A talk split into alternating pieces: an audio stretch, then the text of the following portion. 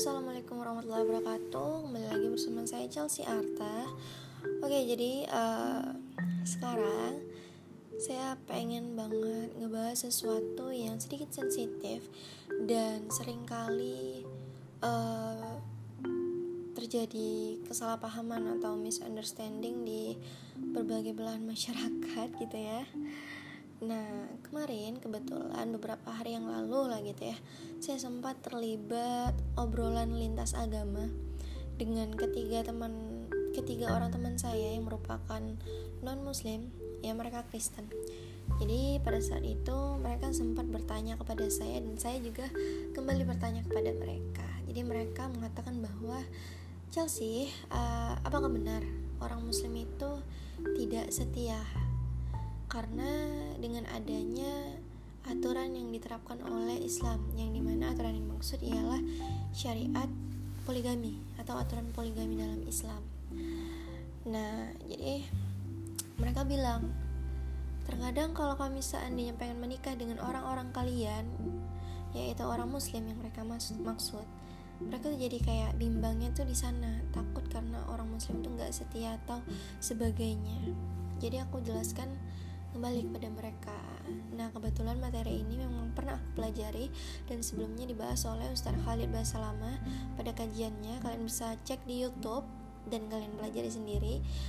Uh, dan sekarang aku mencoba menjelaskan dengan bahasa aku sendiri dan semoga kalian mengerti. Plus kita di sini nggak ada baper-baperan ya karena kalau mau membandingkan masalah kita dengan masalah orang orang lain itu nggak bakalan pernah ada habisnya dan bakalan kayak uh, gimana ya beda aja gitu loh. Karena kalau kita ngomongin masalah fakta lapangan fakta lapangan itu sendiri bahkan ada seseorang bahkan ada perempuan yang memang mempersilahkan suaminya untuk uh, berpoligami dengan berbagai alasan tertentu. Dan kita memang tidak bisa memungkiri hal itu dan memang beneran ada gitu loh. Jadi kita nggak bisa menyamakan dengan masalah kita pribadi.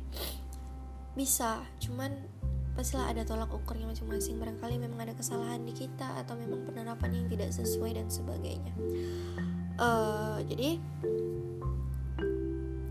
di sini kita nggak pakai baper-baperan ya. Dan aku akan membahas uh, kenapa syariat ini diturunkan dan apa manfaat dari syariat ini diturunkan kenapa syariat syariat ini harus diturunkan dan terus dampaknya apa sih kalau syariat ini diturunkan gitu oke jadi di dalam Islam itu memang dibenarkan adanya aturan poligami atau aturan bahwa kami para laki-laki muslimnya itu diperbolehkan untuk memiliki istri lebih dari satu maksimal empat. Dan itu dalam Islam aturan yang memang dibenarkan ada di dalam Quran. Nah di sini sikap kita sebagai perempuan muslim alias muslimah kita dilarang untuk menentang syariatnya, menentang aturannya. Ya, garis bawahi. Kita di sini sebagai muslimah dilarang menentang syariatnya. Karena kenapa? Karena syariat ini benar ada di dalam Islam dan benar tertulis di dalam Quran. Tetapi sebagai muslimah, sebagai perempuan, kita boleh menolak kalau seandainya dari segi ilmu, dari segi kesanggupan kita tidak mampu dan tidak mau di poligami. Itu boleh menolak karena poligami itu sendiri sunnah tidak wajib. Dan kalau tanpa seizin istri juga suami juga tidak bisa poligami. Seperti itu aturannya. Dan di saat saya berbicara bahwa aturan poligami dalam Islam itu tidak wajib mereka teman-teman saya yang non muslim otomatis kaget. Langsung berubah gitu mimik wajahnya oh tidak wajib Chelsea. Ya tidak wajib. Buktinya masih banyak orang muslim yang istrinya cuma satu gitu kan. Dan syarat poligami ini juga ada syaratnya. Nggak asal menikahin anak orang aja gitu kan. Secara kalau kita uh, memutuskan untuk poligami di mana kita sudah pasti harus paham ilmunya siap siap dalam segi mental fisik waktu tenaga pikiran bahkan uang. Ya karena apa? Di sini seorang laki-laki dipaksakan bukan dipaksakan sih dia haruskan untuk mampu berlaku adil kepada istri-istrinya. Kalau kita nggak kalau para suami kalau suaminya nggak mampu adil maka bakalan dosa juga gitu kan? Dan di sini ya seorang laki-laki diharuskan mampu membagi tenaganya. Mampu membagi pikirannya mampu membagi waktunya otomatis pasti bakal capek ya. Dan dari segi budget udah pasti bukan hanya satu wanita yang bakalan kamu nafkahi bukan hanya satu anak yang bakal kamu nafkahi. Kemungkinan kemungkinan lang apa lanjutannya pasti bakal ada. Akan ada banyak anak yang kelak akan kamu nafkahi juga. Jadi tidak bisa asal asal asal poligami gitu dari kesanggupan ilmu. Ilmunya kira-kira paham nggak gitu kan. Karena kalau tidak sesuai dengan aturan juga tidak bisa gitu kan. Karena kebanyakan gini beberapa orang tuh hanya uh, menerapkan dalil tuh sepotong. Islam membolehkan poligami. Loh semua semuanya poligami. Tapi didasari nafsu. Bukan dasari karena uh, maslahatnya itu sendiri gitu kan. Atau untuk menghindari mudaratnya itu sendiri gitu kan nah jadi alhasil apa? Uh, tujuan adanya poligami itu tidak uh, tercapai gitu loh. Yang tadinya untuk menghindari mudarat yang tadinya untuk uh, menutupi peluang zina malah jadi kayak amburadul berantakan rumah tangganya itu kan. Karena apa? Karena si kepala rumah tangganya itu tidak paham ilmunya tidak mampu uh, berlaku adil kepada istrinya ya yang berujung kepada ya itu tadi cekcok berujung pada tidak harmonis bahkan perceraian. Alhasil apa yang tidak yang dipandang tidak setia itu justru agamanya. Oh agama Islam orang muslimnya nggak setia padahal bukan salah agamanya sih hanya saja muslimnya yang memang nggak paham aturan agamanya ini sendiri bagaimana penerapannya. Nah maka dari itu kenapa kita itu nggak bisa memahami dalil terus potong penjabarannya ada banyak gitu kan. Oke kembali lagi. Kalau di dalam poligami ini sendiri itu kalau di dalam perang contohnya dalam perang nih ya Misal kita ambil contoh di Palestina, di Gaza Palestina. Para suami mereka itu pasti banyak yang mati dalam medan medan perang. Mati dalam keadaan jihad. Jihad dalam agama Allah. Yang berarti istri mereka pasti kelak akan menjadi janda dan anak-anak mereka sudah pasti menjadi anak yatim. Kalau sudah begini seperti ini bagaimana?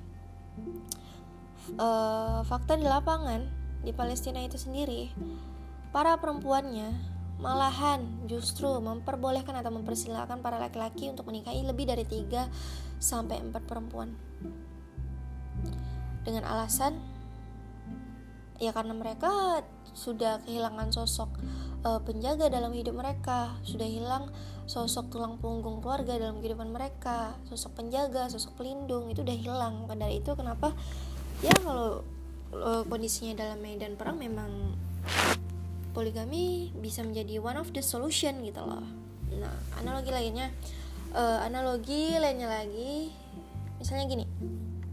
Kita dalam suatu lingkup sebutlah dunia ini hidupnya di dunia ini uh, tersisa beberapa orang saja yang hidup. Terdiri dari tiga laki-laki dan 15 orang perempuan. Maka dari itu hanya tiga perempuan saja normalnya. Kalau kita mengikuti aturan normal normalnya hanya tiga pasang orang saja yang akan menikah. Sisanya ya bakalan jadi anak gadis sampai tua gitu kan. Tapi sebenarnya walau sebenarnya di dalam syariat itu diperbolehkan bahwa uh, seorang laki-laki muslim diperbolehkan untuk memiliki istri lebih dari satu maksimal empat. Nah kalau dalam konteks seperti ini bukankah akan banyak mudarat di antaranya peluang fitnah akan terbuka lebar akan banyaknya perempuan yang terlantar akan banyak perempuan yang boleh jadi uh, miskin. Nah, akan banyaknya perempuan yang tidak bisa menyempurnakan separuh agamanya. Nah, di sini pernikahan itu merupakan uh, ibadah, ibadah ibadah terpanjang. Dan di saat kita menikah, maka itu sama saja dengan kita menyempurnakan separuh dari agama kita. Nah, di saat kondisinya seperti ini, maka perempuan-perempuan tersebut bakalan terhalang kesempatannya untuk menyempurnakan separuh agama mereka. Jatuhnya bakal apa? Dosa juga iya gitu kan? Karena kan kalau di sisi lain seorang ayah itu wajib menikahkan anak perempuannya. Nah selain itu juga peluang zina itu bakalan terbuka lebar. Zinanya seperti apa? Ya Allah alam lah ya. Uh, yang namanya tab talbis talbis iblis itu bakalan selalu ada hasutan jin syaitan bakalan ada agar menjerumuskan manusia ke dalam lubang zina. Gimana pun caranya sesoleh apa manusia dia pasti bakalan ada peluang untuk terjerumus ke dalam itu juga. Nah maka dari itu kalau dilihat dari sini resikonya banyak bahayanya bahayanya banyak. Di sisi lain juga perempuan tidak ada lagi sosok penjaga. Ya realistis saja sih secara fisik perempuan pastinya lebih lemah daripada laki-laki. Dan laki-laki secara fisik pasti lebih kuat daripada perempuan. Di sini fitrahnya wanita dilindungi. Dan fitrahnya laki-laki yaitu melindungi perempuan. Gitu. Even mungkin sometimes saya merasa saya ini mandiri. Saya ini wanita strong gitu. Pasti ada masanya di mana saya butuh sosok pelindung di hidup saya. Akan ada masanya di mana perempuan itu tidak bisa hidup sendiri dan butuh sosok laki-laki dalam hidupnya. Tidak munafik, tidak bisa dipungkiri dan ini benar sekali adanya bahwa kita pasti butuh laki-laki dalam hidup kita gitu loh. Gak usah munafik lah gitu kan. Mengendari itu, kenapa diberlakukannya aturan ini? Karena itu tadi untuk mencegah banyaknya mudarat di antaranya tadi seperti apa yang saya sebutkan. Nah, ada satu artikel yang sempat saya baca di Instagram. Salah satu postingan dari akun yang lumayan apa ya? Bisa bilang akun ini lumayan terkenal. Sebentar, saya buka dulu. Gini ya. Dalam hal ini kita tanggapinnya dengan kepala santai. Ya, tanggapin dengan kepala santai aja, nggak usah emosi apa segala macam. Karena yang namanya yang namanya agama yang namanya Allah kalau udah menurunkan aturan sudah menurunkan syariat itu pasti ada manfaatnya.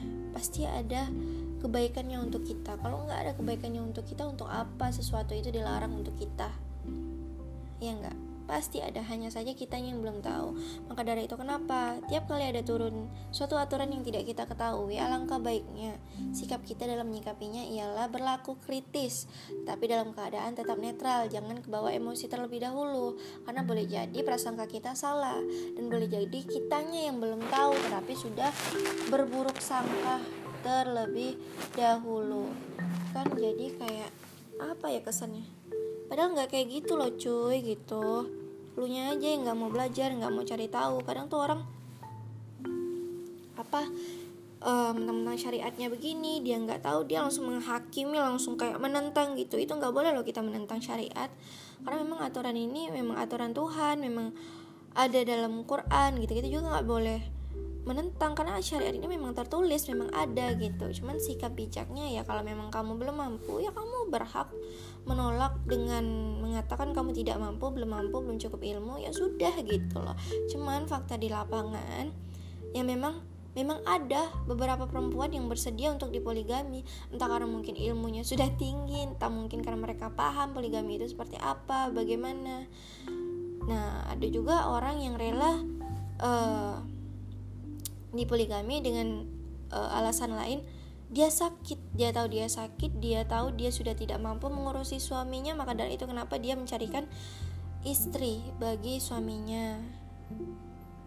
Ya selama istrinya bersedia selama dia ngerasa dia mampu dia ridho ya sudah nggak masalah. Cuman kalau kamu nggak mampu ya tidak masalah juga gitu loh. Cuman jangan menentang syariatnya. Terkadang perempuan tuh uh, terlanjur baper gitu ya. Jadi kebawa emosi walhasil apa nggak mau belajar nggak mau pelajari syariatnya.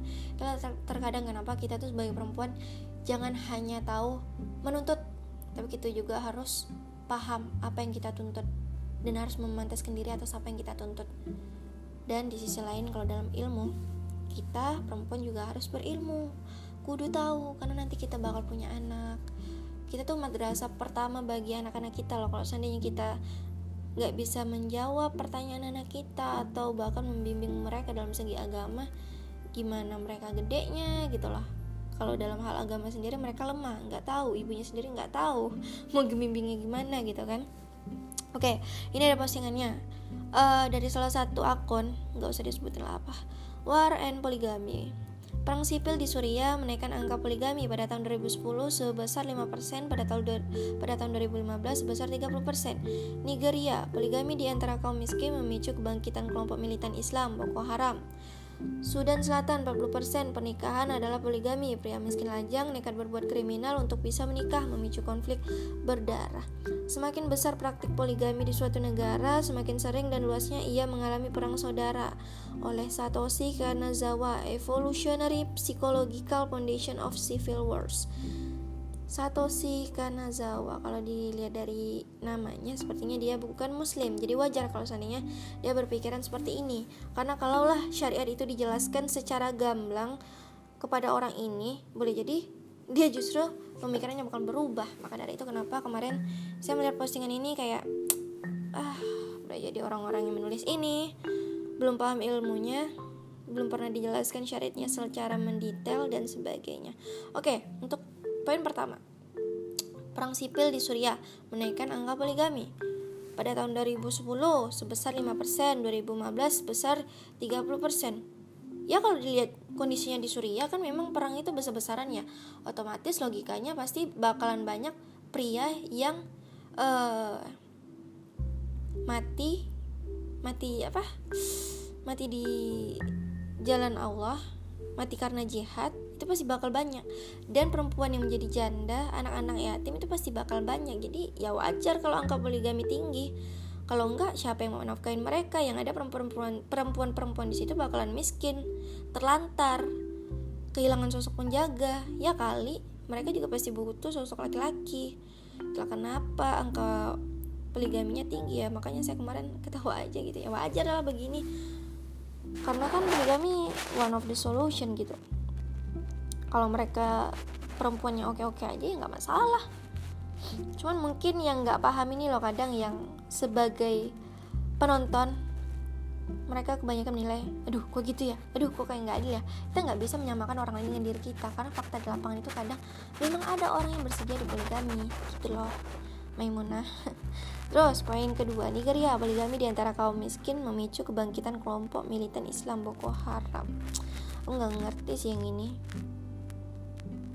um, poligami di antara kaum miskin memicu kebangkitan kelompok militan Islam. Mana ya? Balik lagi sih, poligami itu kan bukan asal poligami aja, ada syarat tertentunya, harus mampu, harus berlaku adil, mendapat restu, ada ilmu, dan lain-lain. Sama sih dengan poin ketiga. Pada kasus Sudan Selatan, 40% pernikahan adalah poligami. Pria miskin lajang nekat berbuat kriminal untuk bisa menikah, memicu konflik berdarah. Nah, di sini syaratnya belum terpenuhi. Syaratnya apa? Dia harus mampu. Kalau nggak mampu, ya itu tadi bisa memicu konflik berdarah. Nah, di sini yang salahnya bukan agamanya dong, orangnya yang salah. Salahnya apa? Dia nggak paham aturan mainnya. Gitu. Dia kalau postingan yang ini sih, kalau orang yang paham itu pasti bakal ketawa. Ah, ini orang kayak kudu balik SD gitu. Ya udah sih kalau misalnya ada lagi yang berkomentar ah kamu masih 19 tahun berani ngomong seperti ini karena belum menikah. Ya enggak juga sih. Saya jujur ya saya pertama kali dengar yang namanya poligami waktu saya belum tahu ilmunya mungkin bakalan ada sedikit kayak kok gini ya? Kok gitu ya? Bakalan banyak bakalan timbul banyak pertanyaan. Tapi di sisi lain saya itu juga haus akan ilmu. Saya butuh penjelasan saya butuh kejelasan biar saya uh, tidak salah paham gitu kan jadi uh, seiring berjalannya waktu saya menemu, menemuilah beberapa orang yang tepat untuk ditanyai tentang hal-hal ini. Atau zaman sekarang kan kalau mau nyari ilmu mudah ya gitu kan. Kita bisa langsung datang ke kajian atau mungkin di YouTube juga kadang ada. Kalau misalnya ustadznya terlalu jauh seperti Ustadz Halid Basalama itu kan kan dia nggak di Pontianak. Jadi saya mengambil ilmunya dari YouTube YouTube-nya beliau gitu kan. Jadi itulah setelah tahu oh masuk akal kenapa alasan ini diturunkan?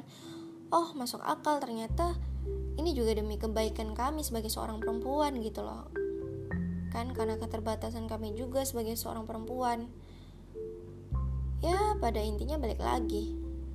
Islam itu pada dasarnya sangat memuliakan perempuan sangat menjunjung tinggi derajat perempuan. Jadi nggak mungkin lah Islam berlaku zolim terhadap perempuan. Hanya saja ini terkadang perempuan muslimnya yang nggak paham tentang syariat. Mereka nggak mau cari tahu. Mereka jadi kayak auto marah aja gitu loh. Sebenarnya nggak seperti itu. Kita nggak seharusnya seperti itu. Perempuan muslim itu seharusnya berlaku kritis ya. Jangan marah kalau nggak tahu. Nggak tahu nanya bu. Nggak tahu nanya terus cari tahu. Jangan baper juga karena kita nggak bisa menyamakan kondisi kita dengan kondisi orang lain. Ya sepertinya ini aja sih yang saya bahas yang perlu saya bahas. Nah bagaimana respon ketiga teman saya yang non muslim setelah mendengarkan penjelasan ini? Dia langsung speechless diam kayak oh ternyata poligami itu nggak wajib ya. Oh alasannya make sense juga sih masuk akal sih kalau seandainya seperti itu. Uh, apa alasannya demi melindungi perempuan demi mensejahterakan perempuan demi menghormati hak-haknya perempuan demi melindungi dan menjaga sebagainya. Kalau seperti kalau seperti itu sih ya saya juga terima kayak katanya gitu kan. Cuman ya ini kan sunnah ya berarti kan tidak wajib ya kata dia gitu kan.